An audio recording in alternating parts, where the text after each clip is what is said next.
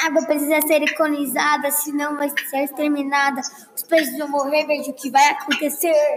Tenha consciência, mostre eficiência, senão vamos morrer, você não vai esquecer.